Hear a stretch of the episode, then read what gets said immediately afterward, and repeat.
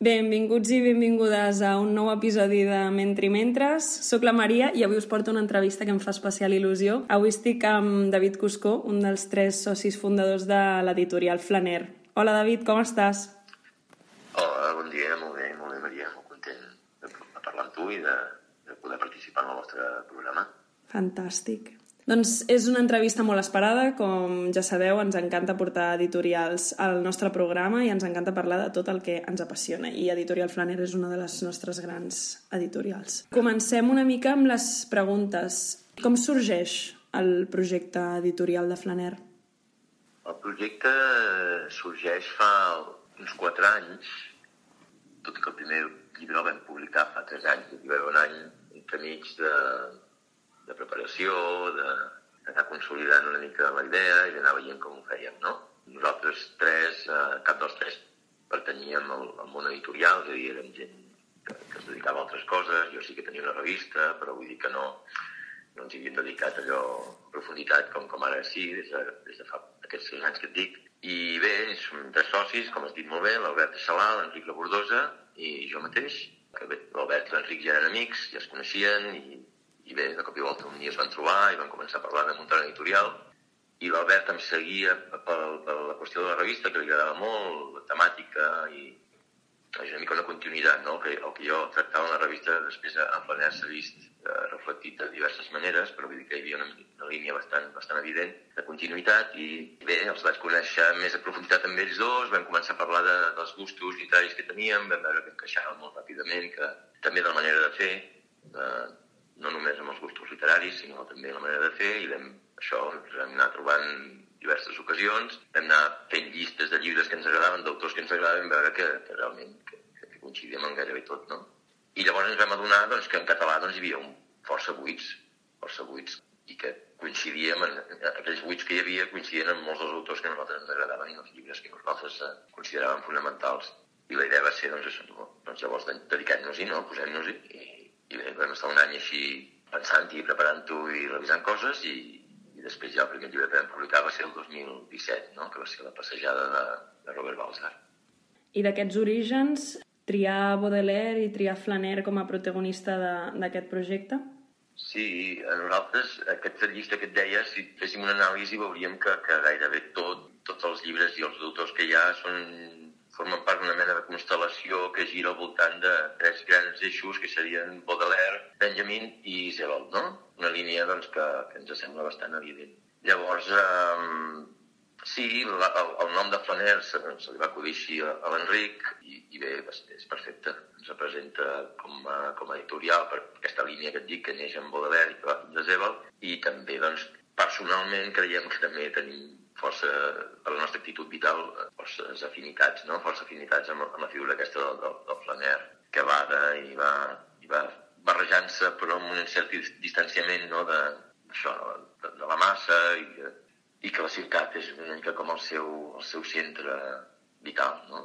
I, i clar, això, Baudelaire és qui ho representa més bé, no? I sí, és, seria Baudelaire que justament ara que es, se celebra el, els 200 anys de, del seu naixement, doncs eh, publicarem uns quants llibres d'ell, que, que de fet teníem, o sigui, l'Esprint de París, per exemple, que és un llibre que publicarem aquest any, però nosaltres, nosaltres volíem publicar, que fos el primer llibre que volíem publicar abans de la passejada, fins i tot, no? Però, bueno, per un seguit de coses no va poder ser. Però, per sort, aquest any en traurem un parell segur d'ell, no?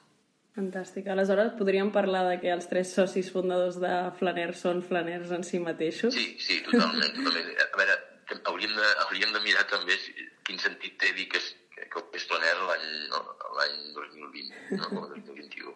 I si es pot ser Flaner en, en les ciutats que tenim no, actuals, però nosaltres creiem que sí, la, tenim una actitud bastant, sí, sí, bastant semblant a la, a la, a la típica, l'estereotip diu que, que, que tenen els flaners. I, I justament la manera també el ritme nostre de publicacions és bastant flaner perquè ens agradaria treure'm bastant més llibres a l'any i de moment estem traient 3, 4.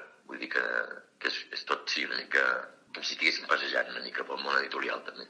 I així, per remetre a l'entrevista que us va fer el Nacional sí. ara fa un parell d'anys, parleu d'anar a la vostra i, i aquest ritme flaner que, que ja comenteu per xarxes socials vosaltres. Quin, quin és el lloc o quin és el paper de flaner en, en aquest univers, entre cometes, de, de l'edició catalana o, Ostres, nosaltres no tenim cap, sí, no, no, no tenim cap pretensió de complir cap paper. Nosaltres eh, em sembla que ho diem bastant clar quan, quan ens ho pregunten. Nosaltres l'únic que volem és publicar llibres que, els llibres que ens agraden. No tenim cap pretensió. És a dir, sí, és veritat, clar, en un moment que entres a, en aquest joc, doncs sí, és, és bonic quan veus que hi ha un públic que et segueix des del principi i que, que vas fent amb un públic i que, que és, bueno, ens sembla que és força fidel, no? I que quan veuen un llibre de Flanèria gairebé, doncs com hem fet nosaltres moltes vegades en el passat i també ara, però sobretot més, quan érem més joves, no? Veies que un editorial en concret treia un llibre i gairebé no miraves ni el títol i ja, i ja sabies que aquest llibre t'agradaria per, per, per, la línia editorial, no? Això ens ha passat nosaltres com a lectors. I veure que això ja, hi ha gent, hi ha públic que, que ja ho comença a fer nosaltres, doncs eh, no t'enganyaré, fa, fa, fa il·lusió, no? I, I és molt bonic. La nostra manera de participar en el món editorial català és, no sé, sincerament no en tinc ni idea. Nosaltres anem, anem bastant a la nostra, no, no pretenem fer cap altra cosa que aquesta, que publicar els llibres que ens agraden i, i ja està. És, és molt senzill, potser una mica primari, però eh, és el que ens mou. No, no, i a més, reprenent el, el que comentaves de que s'està creant un públic fidel a Flaner, si veiem al vostre Twitter hi ha gent que diu ah, i si hi ha aquesta traducció de, català d'aquest llibre, no, doncs qui l'hauria de fer? Doncs l'hauria de fer Flaner. Això, evidentment, deu ser eh, eh, sí. molt gratificant, no? Ho és, ho és, és gratificant, és bonic, perquè, perquè vulguis que no, veus que és, és una gent que, que ha captat una mica la, la idea de, del que nosaltres oferim i del que, i del que som. És, és bonic, ens agrada, ens afalaga. Eh, si tant de bo poguéssim publicar els llibres que ens suggereix molta gent, no? El que passa que, clar, el que et deia, de moment nosaltres ens dediquem professionalment a altres coses, de moment, i, i clar, el ritme que portem és el, és el màxim ritme que podem, que podem oferir. No, no vivim d'això per tant, ni, ni ho pretenem de moment. Per tant, ja ens agradaria publicar molts dels llibres que ens suggereixen i, no sé, els havia, sembla que algun suggeria Canetti, no? Sí, clar, és un dels autors que a nosaltres més ens agrada, però i en català hi falta molta cosa de, de, de Canetti. Quan pugui ser, doncs serà, però no, no podem de moment fer tot el que ens agradaria fer. Però vaja, no, no ens queixem, eh? Vull no, no. Cada llibre que surt és una celebració, celebració perquè primer per tot el que ha costat i després doncs perquè per nosaltres cada llibre que surt és un llibre que ens estimem, és un llibre que, que ens hem llegit moltes vegades i que el fet de poder-lo publicar nosaltres és, és un orgull, no? Clar. O sigui, veure, no sé, mires, mires el prestatge i veus, hosti, no sé, Austerlitz, i dius, això, això ho hem fet nosaltres, o veus els vells de Saturn, o veus uh, sobre el concepte d'història de Benjamin, doncs és, sí, sí, realment és, és emocionant. Bueno, esperem, hi ha, hi, ha, hi ha esperança, no? Si hi ha algun oient que vol fer una suggerència d'un títol, a lo millor amb sort, en un parell d'anys o en un temps, el temps que sigui, sí, a lo millor sí que veu la llum. Clar que sí, no, endavant.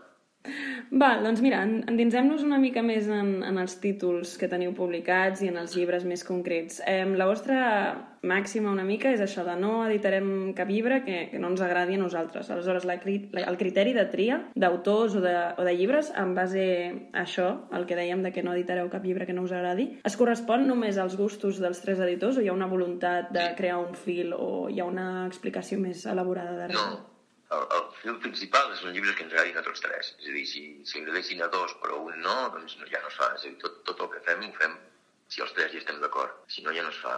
I realment aquests llibres són, bueno, de vegades l'Enric ho ha dit, no? són, són catedrals, o sigui, són monuments els llibres que publiquem, però que són monuments que nosaltres hem llegit moltes vegades, són llibres que, que si haguéssim de fer una llista dels llibres que, que ens han marcat a la vida, doncs eh, molts d'aquests hi serien, no? I molts altres, clar, però d'altres ja potser ja estan traduïts en català i no cal tornar-los a traduir, perquè ja és la traducció, o però vull dir que, que tot el que hem publicat és perquè, perquè realment són llibres que ens apassionen i ens agraden moltíssim. Sí que és veritat que, que hi ha aquest fil, a, a banda de, de que representin els nostres gustos, nosaltres creiem que hi ha un fin conductor que, que també va representat amb el nom de l'editorial i fins i tot amb el logo, no? que el logo és, és una imatge icònica de, de Robert Walser, no? que és una fotografia que, que és força coneguda d'ell, que és això que et deia de la figura del flaner, d'aquest de, personatge que, que travessa tota l'obra de, de Baudelaire, passa Benjamin en, el reinterpreta, no? I després eh, escriptors com Sebald doncs, li donen un tom, però que no deixa de ser una mica la figura, la figura inicial de, de Baudelaire, que Baudelaire pren prestada de, de Allan Poe, no? que és el primer que, que representa el, el Flaner d'una manera seriosa en literatura, però que, que realment el, el centre de tota aquesta figura és Baudelaire. Llavors, evidentment, els nostres llibres doncs, eh, tots formen part d'un cosmos molt centrat en literatura centroeuropea i també i francesa, no? Mica el, el, els nostres gustos i per va la cosa. Aleshores, parlem una mica d'aquest disseny que jo crec que és, és, és per on entra més l'editorial. Eh, quan, quan jo vaig tenir el primer flaner a les mans recordo tocar aquesta coberta quasi rústica, aquest equilibri entre la sobrietat amb el disseny, però una inspiració clarament clàssica. Tot i així, no us consideraríeu editors de clàssics, sinó de llibres atemporals, clar i, i sense entrar gaire en el tema de llegir, no llegir, es llegeix poc, es llegeix molt, quin paper tenen aquests títols avui dia? Perquè realment és el que parlaves abans, heu trobat un forat que omplir, però a la vegada teniu un públic molt, bueno, ben, ben concretat, no? Sí, la idea és... De, de novetats en surten moltíssimes, no? Moltíssima, moltíssima novetat, no? Però, clar, al moment que vam analitzar una mica la situació, dèiem, escolta, hi ha alguna edició així, per exemple, de l'Esplin o el pintor de la vida moderna, hi és? Vam començar a fer aquestes llistes, no?, que et deia al principi, el pintor de vida moderna de Baudelaire no ha estat traduït mai al català. Per això et dic que això de llibres temporals va una mica per aquí. És a dir, més enllà de modes i de, i de novetats, que hi ha moltíssimes i cadascú s'ha de dedicar al que s'ha dedica i està molt bé que hi hagi editorials que es dediquin a treure novetats. Potser que comencem a no sé, construir la casa pel, pels fonaments, no? I dius, home, està molt bé que hi hagi tanta novetat, però això hi és, que és una cosa fonamental. No, no hi és. Hosti, doncs algú estaria bé que la féssim, no? Vull dir, i quan parlem de llibres temporals parlem d'això, parlem de llibres que no estan no estan subjectes de la moda, però que són tan vàlids ara com fa 50 anys com d'aquí 50. Per tant, la idea és aquesta. I el que dius del forma del llibre, del llibre com a objecte, és una cosa que des del principi vam tenir molt clara. És a dir, no era només publicar aquests llibres, sinó fer-ho d'una manera, més bonica possible. I bé, encara hi, encara hi pensem, eh? encara pensem de quina manera ho podem fer millor, més, encara més bonic. Però vull dir que la, la idea era aquesta, un llibre no és només un llibre, és, un objecte, és una cosa que, que tens a casa i que ostres, si entres a casa d'algú i has d'entrar amb respecte, no? I per tant ha de ser una cosa respectuosa. De vegades et pots comprar un llibre que tu pot agradar molt, però el format en si ja dius, hosti, quina llàstima, no? Mm. Es podia fer d'una altra manera. I amb això ens hi vam mirar molt. I bé, vam passar doncs, una gran part d'aquest primer any que et dic que va ser de, de tanteig i d'anar fent coses, va ser per això, per, per poder acabar determinant un, un format que ens satisfés i que ens agradés a tots tres. Va costar, va costar. No, no, no, hi ha una tasca excel·lent, jo personalment m'agrada molt. I crec que abans de parlar del tema de les traduccions i aprofitant que tu ets el traductor del primer Flander que vaig llegir, el llibre de l'hospitalitat d'Edmond Javés és, és un llibre que combina formats i una mica és, és, una, és una de les coses que potser voleu ampliar de cara al futur, de no només publicar poesia com les elegies o, o, o relat narratiu, però crec que podries, per exemple, explicar-nos una mica el, el llibre de l'hospitalitat o parlar-nos una mica del llibre? Sí, aquest és un llibre que, ostres, molt especial. És, és un, llibre, un dels llibres de la meva vida. Uh, jo el vaig començar a traduir per mi mateix, no ho feia per mi, no, no, encara no havia format a Flaner ni, ni res, i jo el vaig descobrir i em va entusiasmar, és un llibre que em va trasbalsar moltíssim. Em, em, em parlava de, de moltes maneres, no? Un llibre que, que em, va, em va entrar molt... Jo coneixia molt poc Javés en el moment que vaig descobrir aquest llibre, i després ja hi vaig entrar més, vaig començar a llegir altres coses d'ell, no? Però segurament aquest és el llibre més accessible de Javés, i un cop el vaig tenir traduït, sí que ja havíem fundat l'editorial, llavors els meus socis que també els agrada molt Javés, els, els vaig ensenyar la traducció, em van dir que estava molt bé, els va agradar, i vam dir, endavant, no? Ja ho vam acabar publicant. És, és l'únic llibre de Javés que ja ha publicat en català i és un llibre molt actual. Jo crec que tracta de temes, eh, és veritat el que dius tu, combina diversos, eh, diverses maneres d'estructures no? I, i diverses maneres d'apropar-se al lector, hi ha, hi ha prosa, hi ha poesia, hi ha aquesta manera d'escriure tan personal de Javés. No? I, i t'he de dir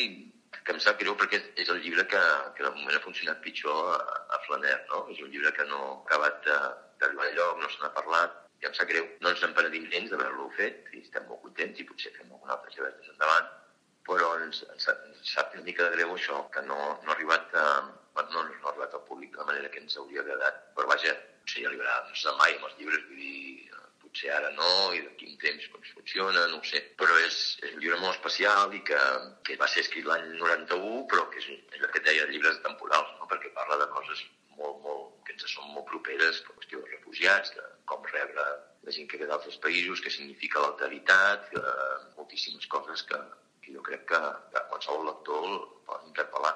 I és un llibre preciós, preciós.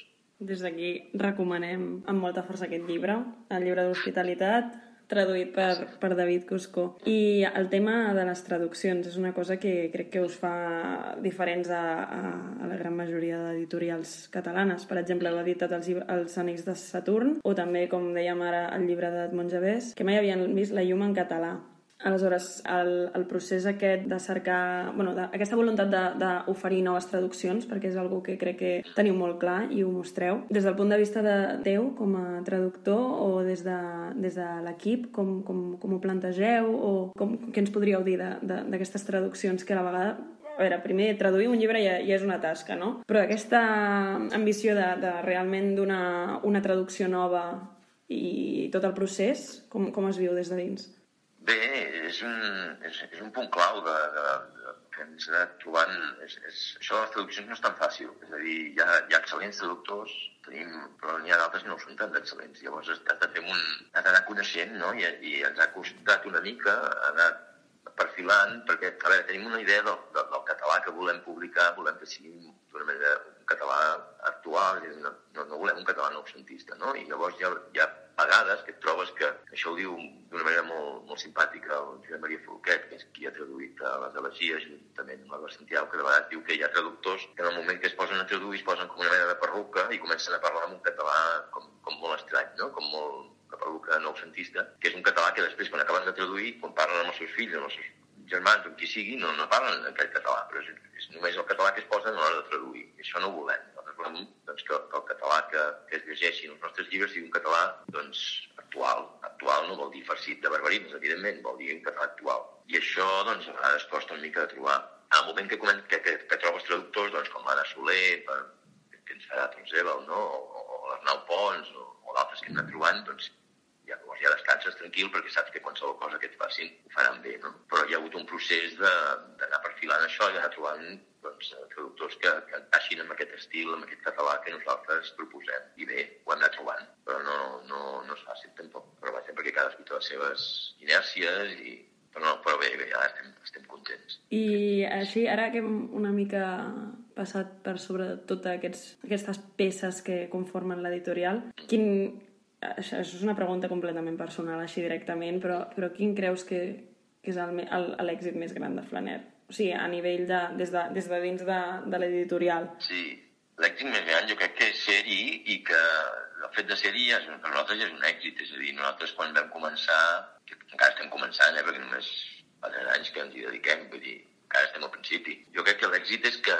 continuem passant-nos-ho bé. És a dir, la idea és, sona molt ingenu o molt pueril, però la idea era passar-nos-ho bé i, i, i gaudir de tot això, a dir, de, de posar-nos aquí i, i, que, i no patir, és a dir, que, si, que això no fos un patiment, perquè si ha de ser un patiment doncs no, no, no dedicar-s'hi, no? I llavors eh, això de moment s'està mantenint i, ens fa molt feliços, és a dir, estem, estem molt contents, estem molt contents, ja sé que es porta bastant, dins del món editorial, es porta bastant la queixa, però nosaltres no tenim, en aquest sentit, no, no és el nostre àmbit, nosaltres hem vingut per passar-nos-ho bé.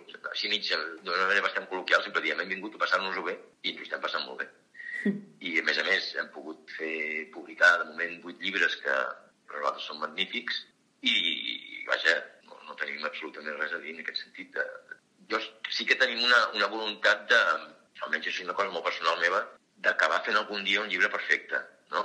I encara no l'hem fet. Hem fet llibres que estan molt bé i la gent que els ha comprat, que els ha llegit, eh, feliciten i tot això està molt bé, però interiorment jo encara tinc la sensació, bueno, no, sensació no, la certesa que encara no hem fet el llibre perfecte i això és una mica el que també em mou a mi personalment de continuar buscant aquest llibre perfecte, que potser no el farem mai, eh? però bé, perseguint aquest llibre perfecte doncs en farem d'altres que estaran molt bé. Sí, suposo que també eh, d'aquest èxit del que parlaves i, i, i una mica eh, tornant enrere de les, les preguntes que t'he proposat eh, en relació al món editorial, per exemple, potser pre precisament perquè no us encaviu en, en, en, en cap lloc concret en aquest univers editorial català que, que realment teniu èxit, no? Al final, tu saps que, que quan compres un, un flaner no estàs comprant un llibre només. Sí, sí, potser sí. De vegades passa que quan una manera de destacar és no voler destacar, no? I llavors, eh, de vegades passa això. Si fas les coses a la teva manera i fas el que t'agrada i fas sense pensar gaire en com es rebrà, sinó que ho fas per cos de fer i amb seriositat i rigorositat, doncs acabes destacant justament perquè no, no buscaves destacar, no? I en un món on tothom vol destacar, el que potser no vol fer-ho tant, acaba destacant més. I, I no sé si és això eh, el, que, el que de moment ens passa, però vull dir que també és una manera de, de fer nostra. És a dir, anar fent, anar fent el que a nosaltres ens interessa i prescindint bastant de, del que hi hagi al voltant. No, no. Jo crec que això els lectors i tots els que, que aprecien un bon llibre ho veuen. És, és salta a la vista, això. I així una mica de què, què podries avançar als oients sobre nous llançaments, nous projectes, alguna cosa que vulguis compartir?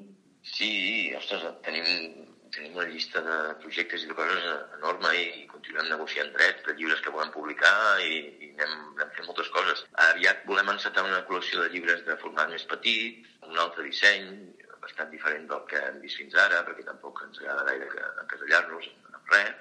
Evidentment, amb, amb un seguit d'autors que, que, que són bastant previsibles si ja s'entén una mica d'acabar Flaner, però, però el format sí una mica diferent. Després també hi ha un, projecte que encara hem de posar bastant més feina de la que hem posat fins ara, que, que més o menys així de moment l'hem anomenat constel·lacions, que és doncs, oferir diverses traduccions d'un mateix text. Volem fer, per exemple, en Paul Celan, ens agradaria molt poder publicar una antologia seva amb cada poema traduït doncs, en la versió francesa, la versió anglesa, la versió catalana, la versió castellana, diverses versions del mateix poema, no? Que és una cosa que no, sincerament, no, no sé si s'ha fet mai, o potser sí que s'ha fet, però aquí en aquest país jo no ho he vist mai, i que és, bueno, ens faria molta il·lusió, perquè com a lectors ens agradaria que això, que això existís, no? I llavors, doncs, com a, com a editors, doncs, creiem que, que, que és un, una bona idea. No sé, tenim el proper llibre, bueno, per exemple, parlant de, de projectes i llibres que han de sortir, em fa molta il·lusió que eh, treure una antologia d'Elizabeth Bishop, no? que, que ha de sortir aviat, traducció de Jaume Pons de l'Orda, Macetest de Valerí, una marcianada, entre cometes, o potser sense cometes, que és l'Alef de Borges traduït eh, per Tisner, o català, no? que segurament serà el proper llibre que sortirà.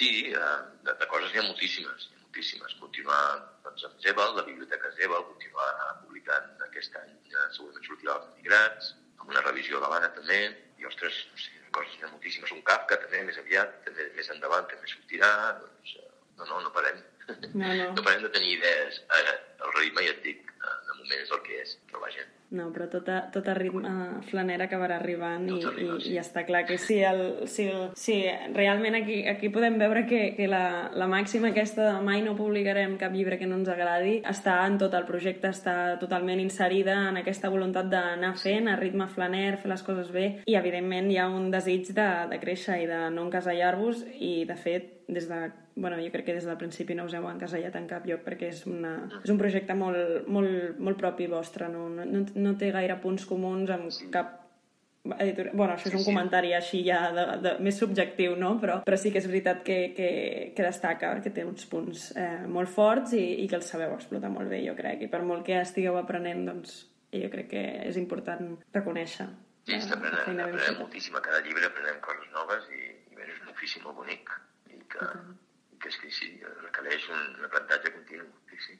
I tant. Doncs jo, jo estic encantada de, de poder oferir aquesta entrevista en aquest humil podcast i estem molt agraïts de, de que ens hagis prestat una, una estoneta de, del teu temps per estar un, una no, estona aquí parlant. estic molt agraït i, i aquest humil, humil podcast que dius està molt bé i, uh, i ho dic sense cap mena de paternalisme ni res, ho dic sincerament l'he escoltat i, i déu-n'hi-do, déu nhi déu i, i crec que ofereix un nivell eh, que molts programes així culturals, entre cometes, que, de cadenes nacionals eh, haurien d'oferir una cosa bastant semblant i no, i no hi arriben, ja t'ho dic. O sigui que, que felicitats pel que esteu fent i, i us encoratjo a continuar perquè ho feu molt bé. Moltes gràcies, mira, jo ara, ara ja no sé què dir, però... No, no, no, no ho dic de debò, eh? no ho dic per, per fer-me el No, no. ni res, ho dic, ho dic sincerament.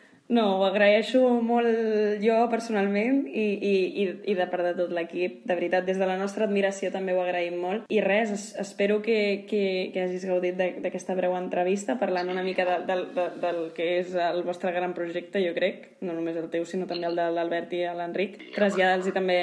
Bueno, donar-los les gràcies també per, per, per ser generosos i compartir una estona amb nosaltres. I, i, i res, als oients eh, ens veiem la setmana vinent. Estigueu atents a xarxes que, que el contingut no para de, de, de sortir. I res, moltes gràcies David i fins ben aviat. Gràcies a vosaltres.